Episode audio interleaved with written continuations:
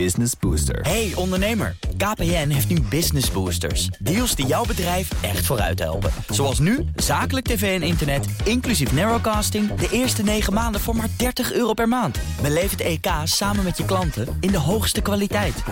Kijk op kpn.com slash businessbooster. Business Booster. Cryptocast wordt mede mogelijk gemaakt door BitTonic. Al tien jaar lang de Bitcoin-autoriteit van Nederland. BNR Nieuwsradio. Cryptocast. Herbert Blankenstein. Hartelijk welkom bij de CryptoCast. Met vandaag het belangrijke crypto-leenbedrijf Genesis ontslaat 30% van zijn personeel. En een faillissement lijkt dichterbij te komen. En wat zou het nut zijn van crypto-satellieten in een baan om de aarde? Dit is aflevering 254 van de CryptoCast met nu een half uur crypto-nieuws op de radio. Daarna gaan we door als podcast. En we gaan het hebben over onder andere de rol van accountantskantoren in de cryptowereld met Lucas Wensing, directeur bij Amdax. Hartelijk welkom. Dankjewel. U bent mijn co-host vandaag. En mijn gast is Tommy van der Bos. Hartelijk welkom. Dankjewel. Director Blockchain and Digital Risk Solutions bij Deloitte. Ja, dankjewel. Heel goed. We geven geen beleggingsadvies. Vorm je eigen mening. Maak je eigen keuzes. Geef ons niet de schuld. Crypto kan lucratief zijn, maar is ook wel riskant. Dat hebben ze bij crypto-leenbedrijf Genesis ook gemerkt. Eh, Die raken steeds verder in de problemen. Het dochterbedrijf van de Digital Currency Group ontslaat 30% van zijn personeel. En volgens de Wall Street Journal overwegen ze daar bij Genesis het faillissement maar eens aan te vragen. Lucas, ehm, Genesis, wat voor bedrijf is dat? Wat doen zij? Eh, allerlei bedrijven hebben daar geld aan geleend. En wat gebeurt er dan mee? Ja, het is een beetje de hoeksteen van de crypto-samenleving. Ze zijn de zogenaamde prime broker. Uh, en daarmee uh, faciliteren ze voornamelijk institutionele spelers in crypto met de handel, trading, derivaten uh, en lening, borrowing en lending voor institutionele partijen. Ja. maatwerk, dienstverlening doen ze ook. Dus stel je hebt een bepaalde hoeveelheid coins die je wil belenen of uitlenen. En dat kan je niet zomaar doen bij een willekeurige exchange. Dan ga je naar dat soort prime brokers toe die dat soort diensten faciliteren. Dus het is een heel belangrijk onderdeel in, het, uh, in een industrie. Het is een, een, Goldman Sachs, maar dan in crypto. Ja, je noemt ze hoeksteen. Wat gebeurt er dan als ze failliet gaan? Nou, dan hebben daar heel veel partijen last van. Want voornamelijk uh, de, de handelsactiviteiten uh, en de borrowing en lending die zij plegen of faciliteren, die gaat over een heleboel verschillende partijen heen. En dat betekent dat er nogal wat ja, domino-effecten kunnen optreden als uh, zo'n partij ja, in één keer heel zwakke positie begint te krijgen. Um, en wat je nu ook ziet bij DCG, of DCG is de groepen en uh, Genesis daaronder, ja. is een soort van uh, crash in slow motion. Um, allerlei uh, activiteiten en ontwikkelingen gaan langzaam en men probeert tijd te kopen om te zorgen dat het instituut en, het, en de groepen ja, kan blijven bestaan. En dat is op zich voor de, voor de crypto-industrie wel relevant, ja, want het, het heeft nogal wat uh, wat after effects, hè, zoals je dat Ja. in Nederland nu ziet met Bitcoin. Eerst even kijken, want ehm, wat is de aard van de moeilijkheden waar ze nu in zitten? Ze hebben eh, geld ook weer elders gestald en dat is blijkbaar minder waard geworden, verdwenen of wat? Ja, nou, het, het is een, een lang verhaal. En het is ook een verhaal wat we meerdere malen hier op de radio besproken is natuurlijk. Maar het, uh, het vindt, vindt zijn oorsprong wel een beetje in de periode dat uh, Three Arrows Capital en, uh, en FTX hun debakels hadden. Eerdere faillissementen van Eerdere vorig jaar. faillissementen, ja. waarin dus ook een, een, een, hoop geld geleend was aan die verschillende organisaties. Die dat niet meer konden terugbetalen. En dan ja, is Genesis in de positie terechtgekomen waarin ze die verliezen moesten opvangen. En dat ja. hebben ze zelfstandig kunnen doen, maar ook dankzij het feit dat ze in een groep zitten, uh, vanuit de groep kunnen financieren. En hierin wordt het ook een beetje schimmig. En dat is een reden waarom de, het ook moeilijk is om daar goed over te uh, corresponderen, denk ik. Want het, uh, ja, binnen de groep is niet alles even transparant. Um, en het is dus niet volledig duidelijk hoe die verliezen nu worden gemanaged en hoe de ene partij de andere helpt. Uh, dus um, ja, dat maakt het moeilijk om daar een, een, een, heel scherp beeld over te krijgen. En daardoor wordt het de hele tijd verrast met, met nieuwe feiten. Ja. Of aantijgingen. Maar het, het, het, het beeld is dus dat ook Genesis geld had staan bij FTX. Dat komt niet terug. En daardoor komen ze nu geld tekort. Dat is uh, in een notendop het verhaal toch wel ongeveer. Ja, bij FTX hadden ze ook geld staan, maar dat was, het, was een relatief klein, uh, een, een, klein deel. Uh, het grootste probleem lijkt toch echt zijn oorsprong te hebben bij Three Arrows Capital. waarin echt meerdere miljarden aan de verlies optraden. Waarin ze een stuk hebben teruggekregen en een stuk hebben moeten financieren vanuit DCG, vanuit de holding. FTX was een 160 miljard of miljoen, als ik het even goed zeg. Dus dat was relatief klein. Want de problemen waar we nu over spreken zijn echt bedragen in miljarden. En niet zozeer in, uh, in de miljoenen zoals uh, bij FTX nu. Maar het is een beetje de, de druppel. Ja, um, en het, het duurt nu al een paar weken. Dat die onzekerheid over Genesis. Um, blijkbaar lijken er nog mogelijkheden te zijn om dat geld terug, of in ieder geval om dat geld op een of andere manier aan te zuiveren. Enig idee wat de moeilijkheden zijn of wat de kansen nog zijn? Um, nou ja, omdat het een construct is. Uh, DCG heeft een, uh, is een, een, holding met onder meerdere organisaties. Kan je binnen die holding uh, natuurlijk schuiven. kan je schuiven. Ja. En daarin speelt Grayscale een bepaalde rol. Daar zie je natuurlijk ook steeds meer. ook onderdeel van die groep. Onderdeel van die groep zie je steeds meer rumoer over ontstaan. Er zit ook een grote asset management club onder, die 3,6 miljard in beheer heeft. Ja, en nu um, zie je wel dat er reparatiewerkzaamheden plaatsvinden. Dus uh, die asset management groep waar ik het over had, die, um, ja, daar, met die activiteit gaan ze nu ophouden.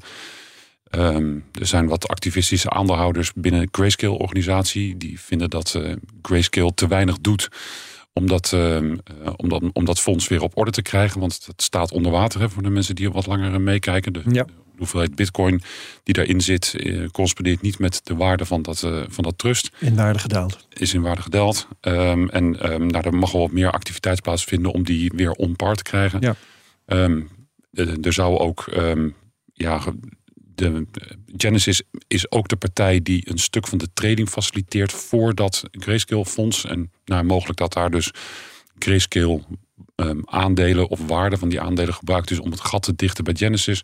Nou, um, zo spelen er allerlei zaken die niet volledig transparant zijn, maar die wel mogelijk in deze um, ontwikkeling um, een rol spelen. Ja, ja, Het, is, het, is, een beetje, het zou kunnen zijn dat. En dat maakt het ook een beetje lastig om er goed over te rapporteren. Ja. Jammer. Tommy van der Bos, je, je, werkt bij Deloitte, uh, bij de, bij de blockchain groep van, van Deloitte. Hebben dit soort verwikkelingen gevolgen voor jullie? Uh, ja, zeker. zeker. En uh, wat dat betreft ja, zien we ook wel dat het, dat het een niet alleen impact heeft zeg maar, binnen crypto, maar ook, ook breder op blockchain gebied. Uh, het sentiment wordt anders. Uh, kijk naar uh, onze eigen organisatie. We hebben afgelopen maand voor het eerst een betaling geaccepteerd in crypto. Mm -hmm. Nou ja, je kan je voorstellen met, met alles wat daaromheen gebeurt in het nieuws. hoe daarop gereageerd wordt, ook vanuit, vanuit de interne organisatie. Nou, wat dan? maakt men zich daar zenuwachtig over? Nou, men vraagt zich wel af van. het wordt snel op één hoop gegooid. He, dus een reguliere transactie als een betaling ja, is een ander verhaal dan wanneer ik een crypto aanhoud als een belegging. Ja. En ik denk dat je dat, ja, dat, dat is natuurlijk ook een groot deel van het werk waar wij naar kijken. Hè. Het werk bij exchanges, bij brokers. Uh, er is weinig uh, regulering. Er is uh, nauwelijks een, een fatsoenlijk vergunningstelsel. Er komt wel wat aan met Mika, maar dat is er nog niet.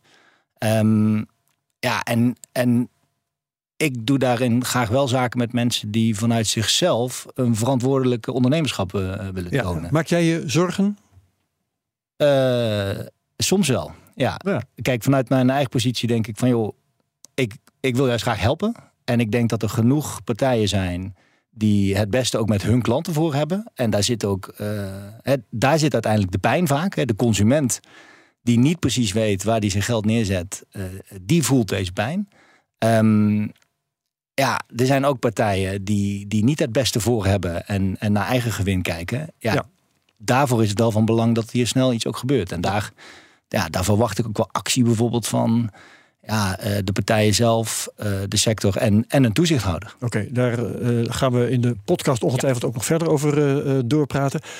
Lucas, um, Bitfavo heeft ook geld geleend aan DCG en um, ze wachten nog op nieuws over of dat wel of niet terugkomt. Um, wat, wat denk jij van de, de kansen dat dat goed afloopt?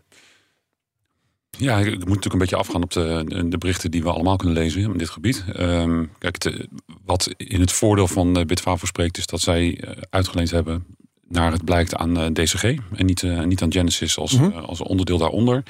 Dus dat er in de groep uh, waarschijnlijk makkelijker afspraken te maken zijn dan als je puur een even de deelnemingen uh, zo'n um, liability hebt. Um, het, ik denk dat een, een stuk daarvan uh, mogelijk wel gewoon terug kan komen. Of het helemaal terugkomt, dat durf ik niet te zeggen. Het is, uh, ja. ja. eigenlijk zou uh, Bitfavo daar zelf wat meer transparantie ja, ja, ja. nou ja, ze hebben aangekondigd dat ze dat hoe dan ook zullen aanzuiveren voor hun klanten. Ja, dat, ze, dat hebben ze aangekondigd. En dat, nou ja, dat zullen ze niet aankondigen als ze dat niet ook kunnen. dus ik heb op zich daar wel vertrouwen in. Maar het is wel je ziet dat het feit dat het zo lang duurt uh, bij hoe DCG hiermee omgaat, dat dat ook voor Bitfavo lastig is in de communicatie naar haar klanten toe. Uh, en dat, dat helpt natuurlijk weer niet in die Ja. transparantie die we met z'n allen zoeken. Nee, dat is helder. Oké, we gaan eh, afwachten en hier ongetwijfeld in de CryptoCast de komende weken nog vaker op eh, terugkomen.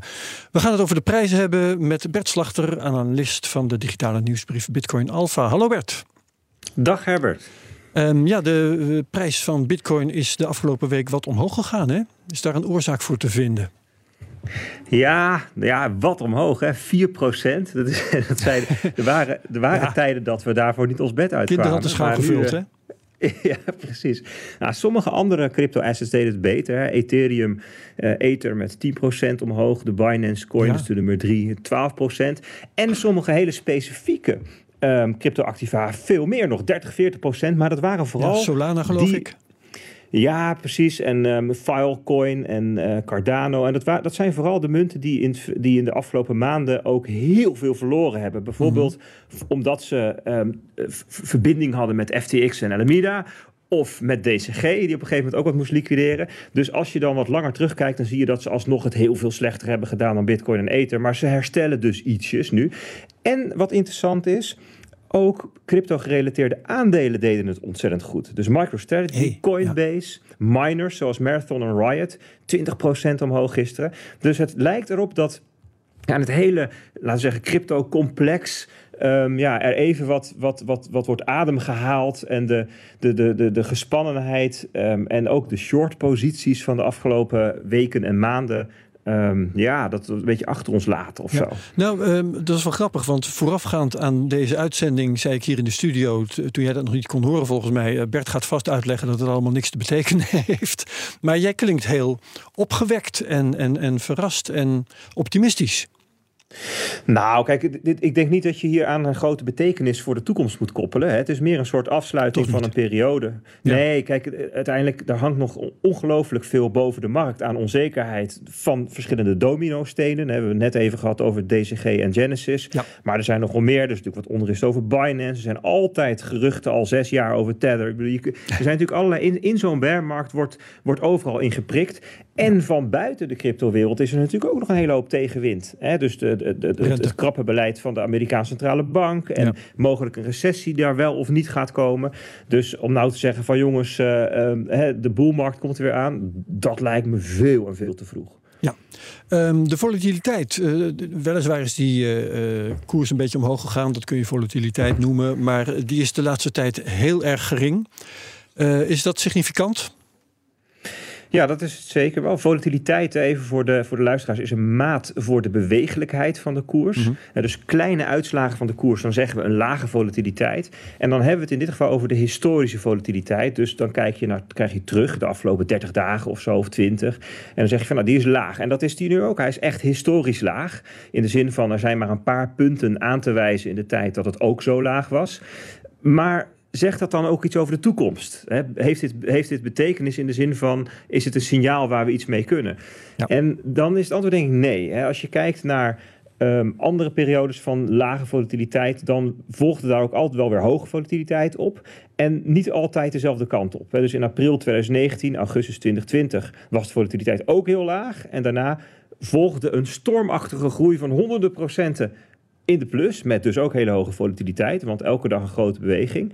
Maar in 2018 november had je ook zo lage volatiliteit. De koers was toen 6300 dollar en zes weken later was de koers gehalveerd naar 3150. Dus dat kan ook. Dus het kan, Ja. kan twee kanten op. Met andere woorden, die lage volatiliteit is geen voorbode voor iets goeds of iets slechts. En het is ook geen aanleiding om te denken dat Bitcoin nu een minder volatiele beleggingscategorie is geworden. Goed, dan weten we dat. Ehm, op macro-economisch niveau eh, was er ook nog wel nieuws. De notulen van de Fed-vergadering uit december werden gepubliceerd. Wat was daarvoor interessants in te vinden? Ja, 13 en 14 december was eh, de laatste van de acht FED-vergaderingen over het monetair beleid. De rente werd toen verhoogd, hè, 50 basispunten naar 4,5 procent. En dan wordt een aantal weken later altijd het verslag gepubliceerd. En dat was dan vorige week. Nou, daar stond op zichzelf niks aan nieuwe feiten in. Hè. Nog steeds gewoon het verhaal van inflatie is een groter risico dan de recessie. Dus moet de rente verder omhoog en heel lang hoog blijven om de economie te remmen tot de inflatie omlaag komt en de prijsstabiliteit hersteld is. Dat is Ja. het verhaal eigenlijk in één alinea. Ehm, wat een paar dingen, twee dingen vielen wel op. Namelijk dat geen van de twaalf leden van de commissie verwacht dat er in 2023 überhaupt renteverlagingen zullen komen. Dat is behoorlijk unaniem. En dat betekent dus dat men heel erg overtuigd is van het scenario van de soft landing. Met andere woorden, dat het ze lukt om de inflatie te beteugelen zonder de economie in recessie te brengen. En ja, dat is niet wat iedereen denkt. Er zijn nog zat analisten die zeggen van nou, als wij naar de signalen kijken, dan en ze, zeker als ze nog doorgaan met verkrappen, ja, dan gaan ze gewoon echt een, een grote recessie veroorzaken. Dus dat is heel interessant om dat verschil te zien. Ja. Eh, en het tweede wat interessant is, dat er een stevige waarschuwing in leek te zitten voor de markten. Want ze zeiden van jongens. Um, gaan jullie nou niet allemaal als een gek, even, even mijn eigen woorden, hè, als een gek aandelen en zo en crypto's zitten kopen? Um, want als die markten omhoog gaan, dan werk je eigenlijk onze verkrappend beleid tegen. En dan zullen we het extra moeten verkrappen. Oh. Dus dat is ook een hele interessante spanning voor het komende, voor het komende jaar. Ja, Goed, interessant, mooi open einde. Uh, dankjewel Bert Slachter. Meer details te vinden in de digitale nieuwsbrief op bitcoinalpha met ph.nl. Um, ander nieuwtje dat we hier moeten bespreken is het Amerikaanse bedrijf CryptoSat. Heeft afgelopen week zijn tweede crypto-satelliet uh, gelanceerd aan boord van een raket van SpaceX trouwens.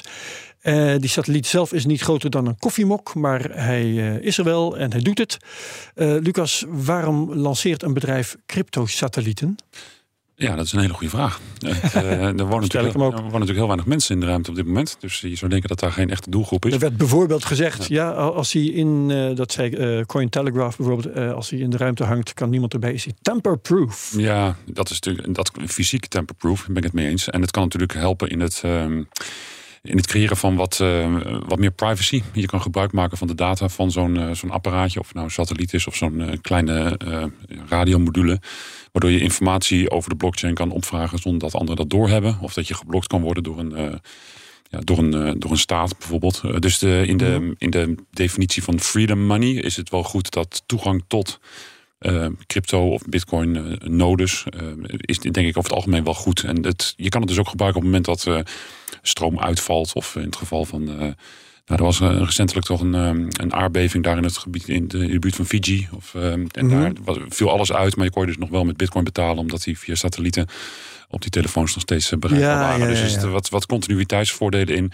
En in die kleine koffie, die koffiekop producten die nu in de, in de ruimte zitten, gaat het voornamelijk om het um, het, het, kunnen vertrouwen op uh, de, de signing. Uh, dus de private key pairs die daar ja. in de ruimte hangen, die dus untemperbaar zijn. Maar voor betrouwbare cryptografie hoef je toch niet in de ruimte te wezen? De locatie daar is daar toch niet belangrijk bij, of wel? Nee, en kijk, je kan natuurlijk nog steeds wel bij, al is het digitaal. Um, je hebt het voordeel dat ze na een tijdje in één keer niet meer bereikbaar zijn. Omdat ze natuurlijk op een andere plek uh, ja, rond de aarde zweven. Ja, want het voordeel van, van in de ruimte hangen, dat, dat is um, gering als het om hacken gaat, zou ik zeggen. Want uh, hackers die hebben meestal geen fysieke toegang nodig. Die doen het gewoon via een lijn. En als die er is voor de good guys, is die er ook voor de bad guys. Ja, ben ik het ermee eens. Dus ja. het, uh, dat zie ik ook niet zo. Nee, er was een, er was een ruimtevaartingenieur die ik sprak, die ook wel een beetje verstand heeft van blockchain uh, aangelegenheden. Die zei dus vooral een uh, oplossing op zoek naar een probleem. Hmm. Ja, zou kunnen. het zou kunnen, oké. Okay. Ja. Jij daar een mening over, Tommy van der Bos? Nou, ik, ik vind het wel een leuk experiment. En uh, ja. ik denk dat we het zo ook moeten zien. Uh, er wordt ook, uh, dit, is, dit was de tweede die nu gelanceerd is. Dus daar hangt er al eentje boven. er wordt ook geëxperimenteerd met zero knowledge proof. dus het delen van uitkomsten zonder dat je de data deelt. Ja, dat soort dingen, dat, daar word ik wel warm van. Dat vind ik wel heel leuk. heeft het nu een enorme toegevoegde waarde? Lost het iets op wat echt problematisch is? Ik denk nog niet. Uh, maar wel leuk om het in de gaten te houden. Ja, weet je, wat er allemaal uit zo'n experiment volgt. Ja, ja ik heb nog niet van tevoren alles te weten. Het is, het is goed dat dit soort dingen gebeuren. Want uh, ja, daardoor ontwikkelt er weer wat. Ja, om op ideeën te komen. Ja, precies. Ja. Laten we het daarop houden. Dat kan natuurlijk ook. Um, laten we eens even kijken naar de podcast die we zo direct gaan opnemen. Um, we gaan het hebben over het auditen van cryptobedrijven. Uh, Tommy, um, daar is wel wat over te doen. Want het lijkt alsof de, de Big Four, de grote accountantsbedrijven, uh, ja, om de hete brei heen draaien als het om crypto gaat. Dat Dat is niet per se zo. Uh, wij zijn auditor van uh, Coinbase. Jullie zijn auditor in van Coinbase. US. maar dus dat, bijvoorbeeld heeft nooit een fatsoenlijke accountant kunnen vinden. Nee, en ik denk dat wat, wat lastig is, is eh, één, het begrip, oké, wat is een audit? Hè, dus eh, eh, wil je echt En een publiek- trouwens ook. ja, eh, publiekelijke geldt eh wat moet je daarvoor ingeregeld hebben? Eh, de zo- zogenoemde audit readiness is daar een, eh, eigenlijk wel een hot topic. Ehm, wat je toch ziet is dat heel veel partijen in de wereld van exchanges en brokers soms niet ver genoeg zijn om ook ja, te voldoen aan de kwaliteitsstandaarden die gevraagd worden voor een audit. En ik denk dat dat, dat is hier het, het cruciale element. Eh, Is dat een element van onvolwassenheid van de crypto-industrie? Ik denk dat het niet vreemd is dat een industrie die ja, nog geen eh, vijf jaar echt eh, tot eh, wasdom is gekomen, dat het daar af en toe nog in ontbreekt. Want Lucas zei net ook al, hè, de- toen het over ehm, eh, DCG en Genesis gaat, de boel is niet transparant. Dan moet het na- natuurlijk eigenlijk wel zijn. Ik zou, ik zou dat wel graag willen zien. En hè, wat ik al eerder zei, dat komt ook voor een stuk met, met een stuk eigen verantwoordelijkheid. Er, er mist gewoon heel veel wetgeving. Ehm, ja, als jij, als jij verantwoord wil ondernemen in de financiële sector, want dat zitten we hier wel, waar je ook voor, wat mij betreft, een bepaalde zorgplicht hebt, ja, dan zul je dat goed op orde moeten hebben. En de ervaring leert, hè, kijk naar een FTX, dat dat niet altijd het geval is. Nee, Ik denk dus ook dat als er een betere wet en regelgeving is, dat de stap naar audits kleiner wordt. Dat denk ik, ja, zeker. zeker. Ja, ja, ja. En waarom is eh, Coinbase dan wel auditbaar? Jullie doen Coinbase. Ehm, waarom eh, is daar wel mogelijk? Nou, even los, eh, om niet specifiek op het geval in te gaan, maar wel even in zijn algemeenheid. Zij zijn beursgenoteerd. Eh, daar heb je in het verleden een prospectus voor uit moeten geven, überhaupt om, om die notering te krijgen.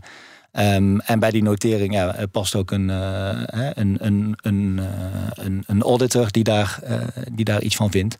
Eh, dus wat dat betreft zie ik die combinatie vind ik eigenlijk vrij logisch. Eh, als je ziet waar Coinbase onder valt eh, qua regelgeving, is dat ook wat strakker. Ehm, dus als je die, dingen, die zaken bij elkaar pakt, ja, is dat een hele logische combinatie. Ze Ehm, vallen onder die New Yorkse bitlicense. hè? ja, correct. Dat, eh, ja, dat is natuurlijk een vrij strakke ingerichte. Ja.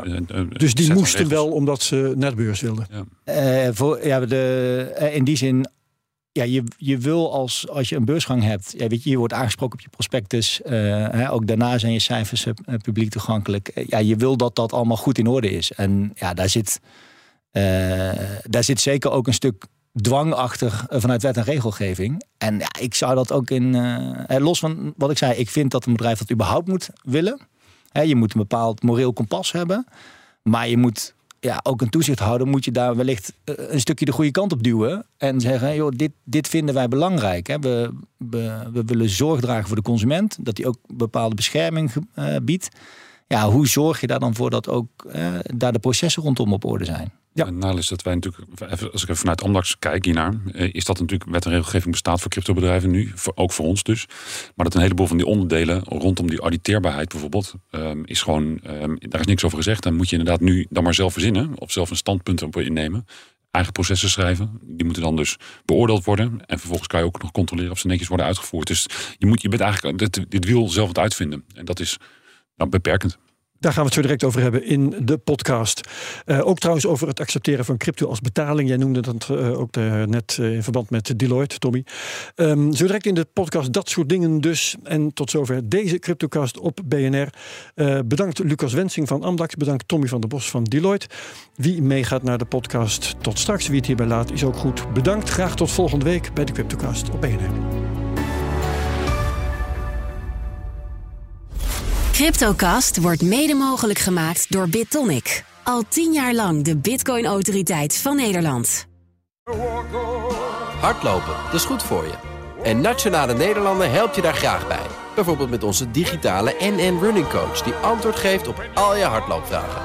Dus, kom ook in beweging. Onze support heb je. Kijk op nn.nl slash hardlopen.